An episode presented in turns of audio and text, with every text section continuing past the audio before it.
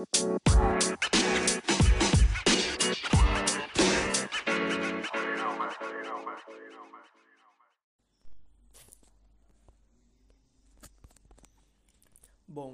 al la podcasto de Bigmono kaj Esperanto. Mi estas via gastiganto Daniel Acosta.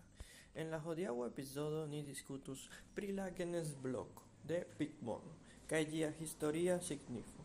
La trian de januaro de 2009 Satoshi Nakamoto, la mistera creinto de Bitmono, elminis la unuan Bitmono-blokon kaj kreis la Genes-blokon. Ĉi tio markis la oficialan lanĉon de la Bitmono blockchain, la unua malcentralizita cifereca valuto kaj pag sistemo de la mondo.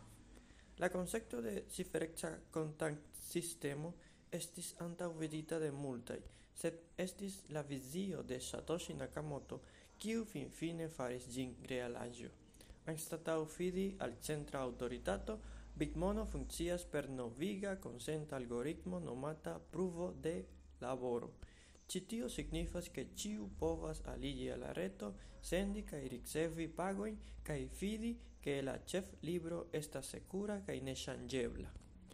Ekde tiam bitmono revoluciis la manieron kiel ni pensas pri mono, ekzemple homoj en landoj kun ĝenataj ekonomioj aŭ limigita aliro al bankaj servoj nun povas konservi sian monon sekure kaj transdoni ĝin sen fidi al centralizitaj institucioj.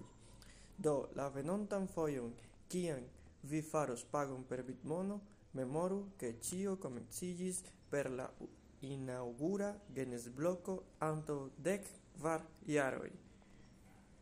Dankon pro aligi al ni hodiaŭ!